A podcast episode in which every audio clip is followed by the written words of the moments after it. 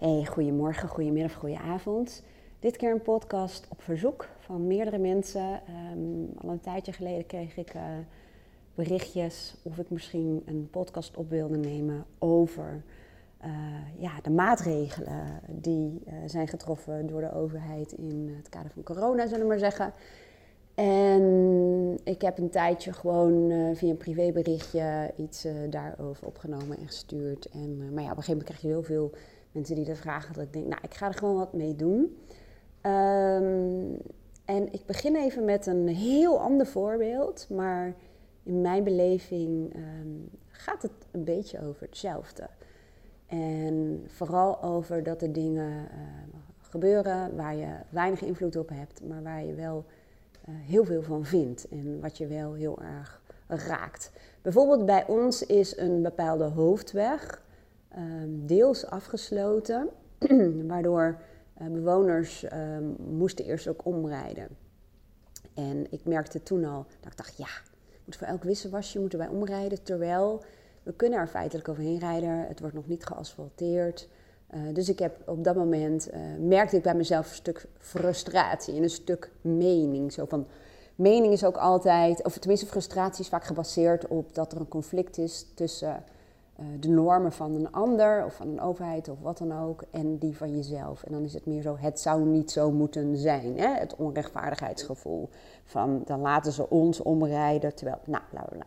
Nou, dat is vaak het moment waarop ik voor mezelf geval kijk waar heb ik regie? Wat kan ik doen? Omdat ik weet dat frustratie en het gevoel van, van onrecht kan zich heel erg diep in nestelen. Alleen um, is heel vaak weinig constructief. Omdat je bevindt in een zone waar je bijvoorbeeld uh, op dat moment gewoon heel weinig aan kunt doen. En wat mij in geval helpt, en daar kom ik zo meteen nog wel op als het gaat om de coronamaatregelen. Maar oké, ik denk dan even, wat is mijn doel? Dit is een soort hoofdvraag voor mezelf. Wat is mijn doel? Wat is mijn bedoeling? Of wat is mijn intentie? Een beetje variatie op die vraag. Nou, vervolgens dacht ik, ja, ik wil waar mogelijk mijn reistijd en die van de mensen die hier naartoe komen uh, verkorten. En ik ga kijken wat ik kan doen. Dus ik heb de uitvoerder gebeld en uh, daarmee wat afspraken gemaakt en gewoon een gesprek gehad. En zij hebben weer de verkeersregelaars gebeld en, en nou, zo ging dat even verder.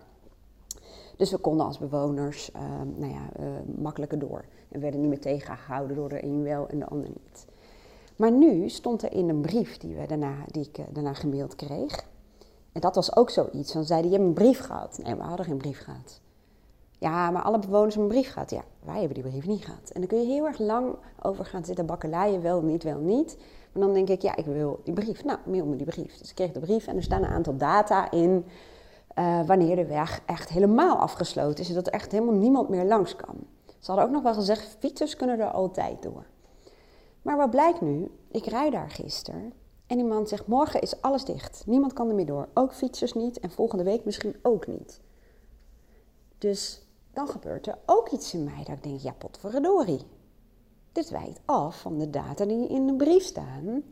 En hoezo hoor ik dat nu toevallig? En dan gaat er ook bij mij. Hè? Dan word ik getriggerd. Dan, is een deel in mij die vindt het onrechtvaardig en die vindt het slecht gecommuniceerd. En die snapt de impact voor heel veel mensen die hun agenda hebben aangepast en die helemaal niet weten dat ze straks um, uh, nou ja, voor een dichte weg staan, zullen we maar zeggen. En mijn stiefzoon, die, uh, dat ik zei, maar ja, hoe lang moet hij dan helemaal via, nou, hoe lang omrijden, ik noem maar even wat, hè. Dus er gebeurt bij mij, naar aanleiding van wat die man zegt, ook wat. Alleen, ik ben natuurlijk getraind hierin. Dat lukt zeker niet altijd hoor. Uh, dat even terzijde. Maar om op dat moment weer te denken: oké, wat is mijn doel? Hè? Hoe, wil ik hiermee omgaan? Um, nou ja, dat is uh, weer even contact hebben met de uitvoerder. En natuurlijk vind ik dat irritant. Hè? Maar dat heb ik wel nodig om helderheid te krijgen over volgende week voor Luca dan, stiefzoon. En um, nou, überhaupt voor mezelf. En dat vind ik ook irritant, hè? want ik hou helemaal niet van bellen en dat soort dingen. Maar um, ik weet ook, als ik dat niet doe, dan zal ik meerdere keren per dag wellicht geconfronteerd worden met die situatie die ik dan niet netjes qua communicatie. En dat kost ook energie. Dus ik kies er vaak voor, hè, nogmaals, ik uh, zeg echt niet dat ik heilig ben hoor, want uh, bij mij gebeurt ook wel eens dat ik echt in even in de stemming blijf hangen. Maar ik ga je wel uitleggen en leren hoe je daar weer zelfregie kunt pakken, want daar gaat het uiteindelijk over. Um, nou ja, um, even terugkomend op dit verhaal. Um, ik zet dus die energie, hè, want emoties, ja, dat is ook een bepaalde vorm van energie. En door er iets mee te doen, krijg je toch weer wat meer um, nou ja, voldoening, omdat je regie hebt. En dan kun je vaak weer verder. Maar onopgeloste zaken voor ons brein, ja, die kunnen blijven hangen. En dat is dus um, waar ik het bruggetje maak naar corona. En ook even iets aanhaal van Stephen Covey. Stephen Covey had het vaak over de cirkel van invloed of de cirkel van betrokkenheid. Ik weet niet hoe dat ding letterlijk heet, maar ik kan het wel even kort uitleggen. In het midden heb je zeg maar een cirkeltje en uh, waar het woord invloed schrijf ik dan meestal uh, neer. Dus dat is het gebied waar jij directe, soms indirecte invloed hebt. Dat zijn de zaken die jij echt kunt beïnvloeden. Dan heb je daaromheen de cirkel van betrokkenheid. Dat zijn allerlei zaken die jou raken, dus waar je betrokken bij bent en je betrokken bij voelt. Maar dat zijn wel zaken waar je geen of zeer beperkte invloed hebt. Dat zijn bijvoorbeeld um, dingen zoals de ellende in de wereld, um, de coronamaatregelen, uh, de ziekte van je buurvrouw. En bij dat soort dingen merk je ook gewoon ons energieverlies gaat zitten in het veel bezig zijn met die cirkel van de dingen in de cirkel van betrokkenheid, waar je echt even geen ene ruk aan kunt doen. En de vertaalslag die je vaak kunt maken is om te kijken, wat kan ik doen? Of wat kan ik betekenen? Gaat het om die zieke buurvrouw waar je maar mee blijft lopen? Ja, wat kun je doen? Wat kun je betekenen? Dan ga je eigenlijk kijken in je cirkel van invloed. Waar ligt mijn invloed? En als het gaat om de coronamaatregelen, ja, geldt dat idem dito. Je kunt jezelf, want je maakt jezelf vaak gek doordat je je heel erg gaat voeden en blijft voeden als een soort van um, verslaving, hè, want dat is het ook gewoon, met informatie, door het nieuws leeg te zuigen, de persconferentie te kijken, whatever, waardoor je steeds verder in die opwinding komt en steeds verder in de frustratie en steeds verder in het gevoel van onrecht. En dat is zo vervelend. En, en ik kan dat ook als ik mezelf dat uh, laat doen. Daar heb ik het zo meteen al wel even over. Alleen het is wel verloren energie. Tenzij je natuurlijk kijkt, wat is mijn doel en wat kan ik doen? En ik weet, het klinkt misschien best wel heel um, zo van te simpel voor woorden. Maar um, dit gaat mij ook aan. Hè? Ik doe dit natuurlijk ook. En um, net als met dat hele vaccineren. De, discussie lijkt zo absoluut. Hè? Van als je niet gevaccineerd bent, dan ben je dus anti-vaccin. En dan ben je ook, uh, zoals ze dat dan noemen, een complottheorie-denker, uh, uh, noem het maar op. En als je wel gevaccineerd bent, um, nou ja, dan, dan sta je als het ware aan de andere kant. Maar um, de weinige gesprekken die ik erover heb, is grappig, want niemand vraagt er ook naar, ook niet in mijn praktijk. Ik denk dat ook dat te maken heeft simpelweg met mijn eigen houding. En um, als ik het gesprek wel heb, dan zijn het hele fijne gesprekken. Hè? Soms dan, dan is dat wel iemand die heel absoluut is in zijn uitspraken. Van ja, iedereen moet gewoon een prik zetten. Maar als ik dan met iemand in gesprek raak hè, en, en dan zeg van ja, we willen allebei hetzelfde. We willen ten eerste, mag ik aannemen, gezondheid voor onszelf. We willen niet ziek worden. En ten tweede, en dat is voor mij ook gewoon een hele belangrijke drijfveer, ik wil het niet mag weten hebben om andere mensen te besmetten. En daarvoor zet ik heel veel dingen in. En dan heb ik een heel hoog bewustzijn, kan ik wel zeggen. Maar niet het vaccin.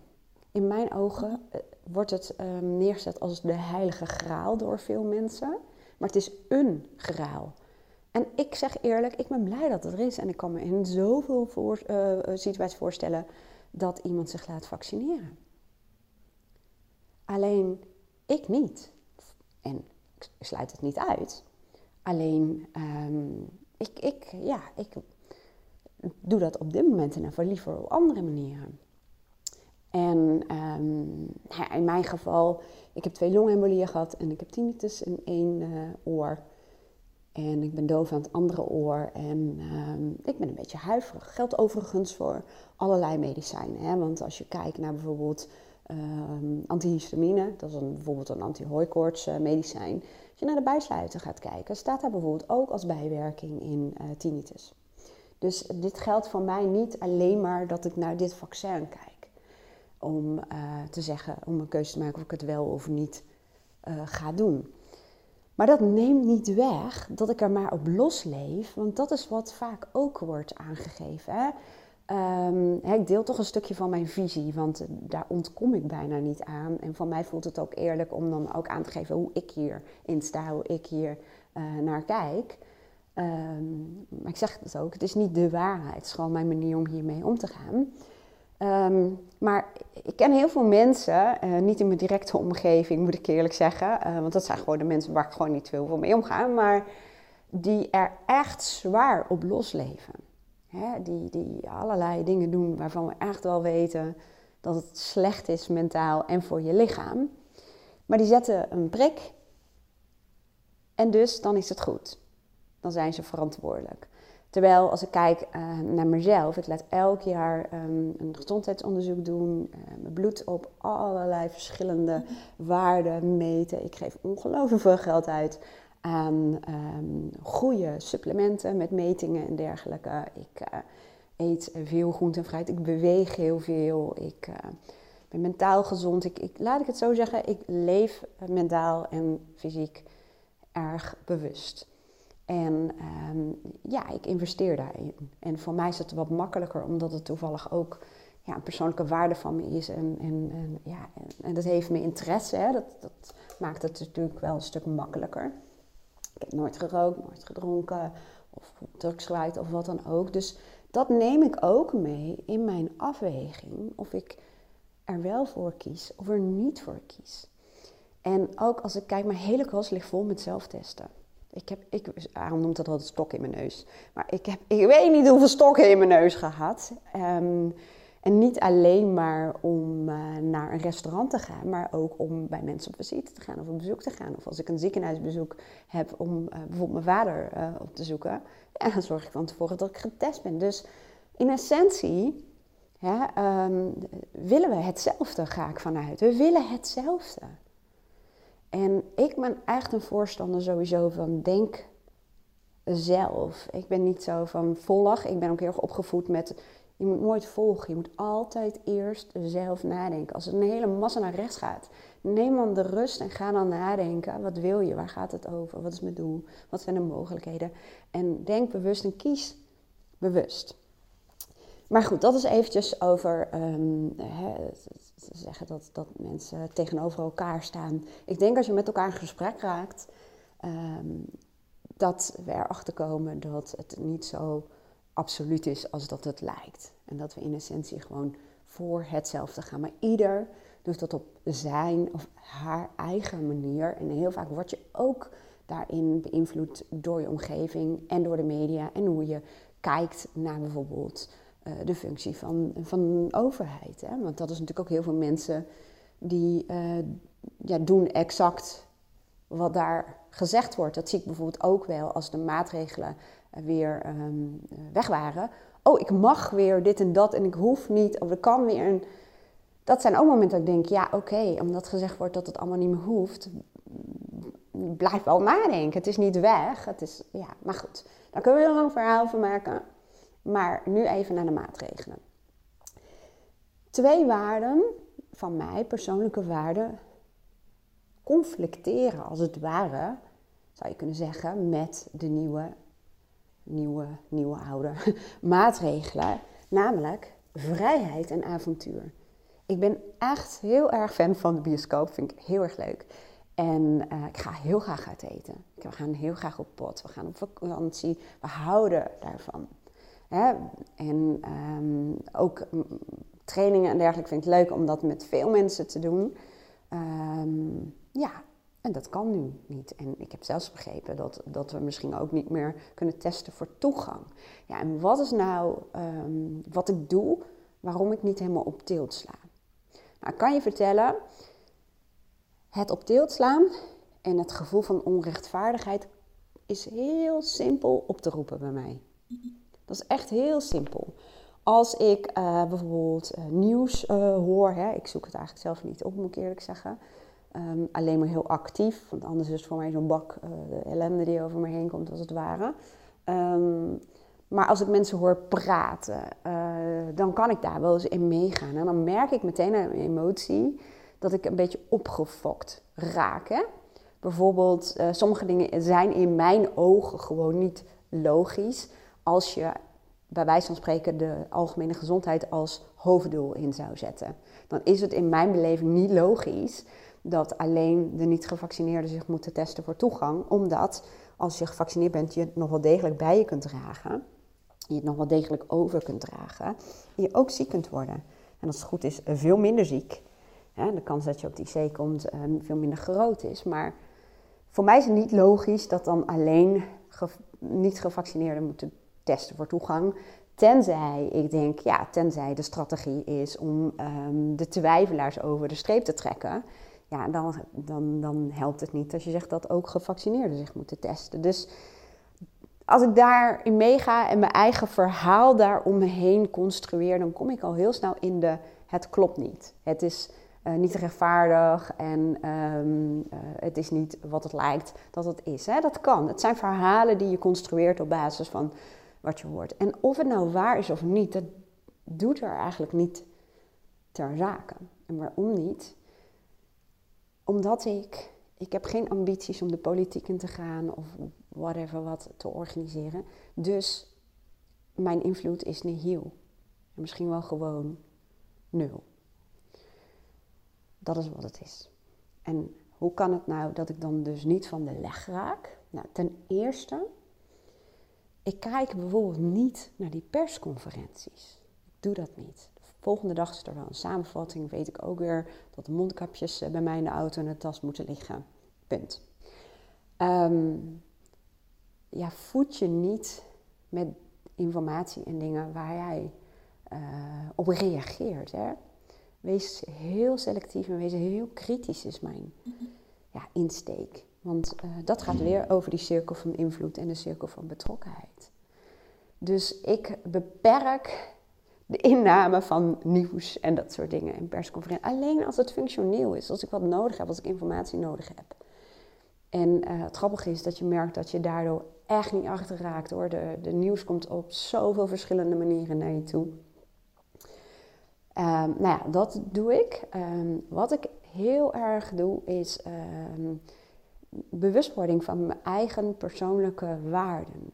En ik ga kijken hoe ik daarvoor kan zorgen in, um, in het kader wat er is. En wat ik daarmee bedoel, hè, mijn waarden zijn bijvoorbeeld vrijheid en avontuur. Ik heb nog veel meer waarden hoor. Um, eerlijkheid en integriteit zijn ook waarden van mij. En dan zou je zeggen, dit kan heel erg conflicteren met uh, ja, hoe, hoe we nu in deze tijd zitten. Ja, dat kan als ik me daarmee ga voeden, als ik het op ga zoeken, als ik dat ga lezen. ik heb ook een tijdje het artsencollectief gevolgd op Instagram. En dan ga je dat lezen. En dan je merkt aan je emotie al wanneer je opgefokt raakt of wanneer er iets gebeurt. En je weet ook um, of je daar wel of niet wat mee kunt. En het gaat namelijk vaak mis dat je dingen onrechtvaardig vindt. Um, maar waar je niks aan kan doen. En dan ga je je eigenlijk ook als een soort van slachtoffer voelen. Terwijl, en dit is natuurlijk een uitspraak die uh, mensen misschien uitkotsen, maar toch, je hebt wel altijd een keuze. Hoe je ermee om wil gaan. Als je het echt allemaal heel erg verschrikkelijk vindt, heb je een keuze om te gaan emigreren naar een land waar het in jouw oog veel beter is. Dat kan, hè? dat is heel extreem, snap ik ook wel. Maar je bent niet keuzeloos of zo. En dat geldt ook voor wat ik zei over die waarde. Ik denk, ja, weet je, uh, bepaalde evenementen en activiteiten zijn belangrijk voor me, omdat dat een manier is om te leven conform mijn en ook Aarons waarden. Maar dat kan even niet. Het kan even niet. Hè? Wij willen volgend jaar naar Amerika. Nou, de kans bestaat dat dat niet kan. Ja, dat kan. Dat is wat het is. En dan is het ook kijken, maar wat kan wel? als ik een tekort ervaar in mijn persoonlijke waarde avontuurvrijheid, hoe kan ik er dan voor zorgen ehm, dat ik dat uh, tekort weer, ehm, ja, moet ik het zeggen, of, dat ik zorg dat ik weer conform die waarde kan leven? Wat kan wel? er, er, ehm, er, zit geen afhankelijkheid in uh, op pad gaan en restaurants en bioscopen. Ja, het is leuk en het, het draagt bij en ik word er vrolijk van. Maar um, ja, wij eigenlijk gaan gewoon heel erg kijken. Ja, wat kan wel? En het gaat uiteindelijk om het gevoel wat je krijgt door naar de bios te gaan, of naar restaurants te gaan, of naar evenementen of festivals heb ik dan niet, maar uh, sommige mensen wel. Um, kijk ook naar wat voor gevoel wil je dus ervaren en hoe kun je dat op een andere manier misschien creëren. Wij hebben bijvoorbeeld um, afgelopen zomer ook, uh, vorig jaar, met name ook in die lockdown, lockdown tijd, um, gewoon heel veel buiten gedaan. We hebben een hele grote tuin en we hebben gewoon allemaal dingen bedacht. En um, zelfs um, ook wel toen hè, was het ook nog heel erg van alles uh, schoonmaken en desinfecteren. Dan gingen we bijvoorbeeld golven in de tuin. En met van die desinfectiespreetjes en dingetjes. We hebben gewoon gedaan wat welkom. We hebben enorm veel lol gehad. Hè? En je zag natuurlijk ook wel dat massaal, of uh, ik weet niet, een heel groot deel van Nederland, in één keer de bossen in trokken. Maar door te kijken, wat is je doel? Wat zijn je persoonlijke waarden? En hoe kun je daarvoor zorgen binnen uh, de mogelijkheden en onmogelijkheden? Ik noem het dan maar even het kader, maar ja, dat is ook weer een waarheid. Hè? Dat is ook zo afgerasterd iets. En uh, nou, dat is natuurlijk ook niet. Maar wat kun je doen? Hoe kun je ervoor zorgen? Hoe kun je ervoor zorgen um, dat je weer zelfregie krijgt? Want je een slachtoffer voelen en uh, in die gevoelens van onrechtvaardigheid zitten. Ik snap het zo goed. Ik snap het zo goed. Want het is namelijk ook echt iets in mij. Ik heb ook echt een heel streng gevoel voor uh, rechtvaardigheid en onrechtvaardigheid. Maar ik heb ook gewoon geleerd dat, um, dat er vaak zo weinig te halen is. En dat het soms ook gewoon waar is dat het oneerlijk is. Dat het onrechtvaardig is. Overigens snap ik ook wel dat het is maar net vanuit welk perspectief je dat bekijkt. Moet ik heel erg denken aan alle lessen over ethiek die ik in mijn coachopleiding uh, kreeg. Waardoor je ook niet zomaar kunt stellen dat iets onrechtvaardig of oneerlijk is. Maar goed, als dat voor jou zo voelt, en uh, ik heb dat ook wel hoor, met heel veel dingen die nu qua maatregelen vind ik heel erg veel onlogisch en heel erg veel een zekere maat van schijnveiligheid. En vind ik ook heel veel vormen van uh, manipulatie en gewoon een communicatiestrategie om de twijfelaars over de streep te trekken. Dat is mijn beeld ervan. En soms is dat het ook. Hoef je niet te ontkennen, um, uh, hoef je ook niet helemaal een positieve draai aan te geven. Soms is het gewoon wat het is. En ja, kijk dan in mijn ogen, waar ligt jouw invloed? En als je wel je heel erg gedreven voelt om de barricade op te gaan of, of om iets te doen in de politiek.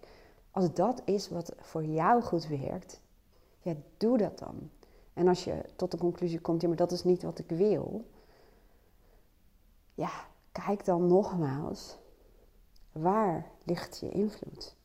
Waar ligt je invloed? En als ik dan terugga naar die wegopbreking. Gisteren zeiden ze s'avonds tegen mij: We gaan er ook echt betonnen blokken voor zetten, zodat ook echt niemand er meer door kan.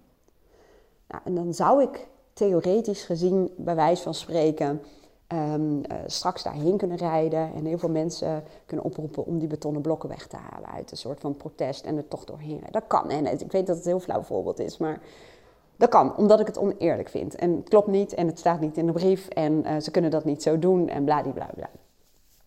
Dat kan. Ja, en ik snap ook wel een weg uh, die moet verbeterd worden. En ja, dat kan niet. Uh, daar is het gewoon voor nodig dat het even dicht is. Snap ik ook wel. Maar ik kan ook denken, ja, wat is mijn doel? Nou, ten eerste, uh, ik heb afspraken buiten de deur. En straks Luca, die wil naar school. Nou, ja, wat kan ik dan daarvoor organiseren? Wat, wat, um, wat kan ik doen om te zorgen dat het allemaal gaat lukken?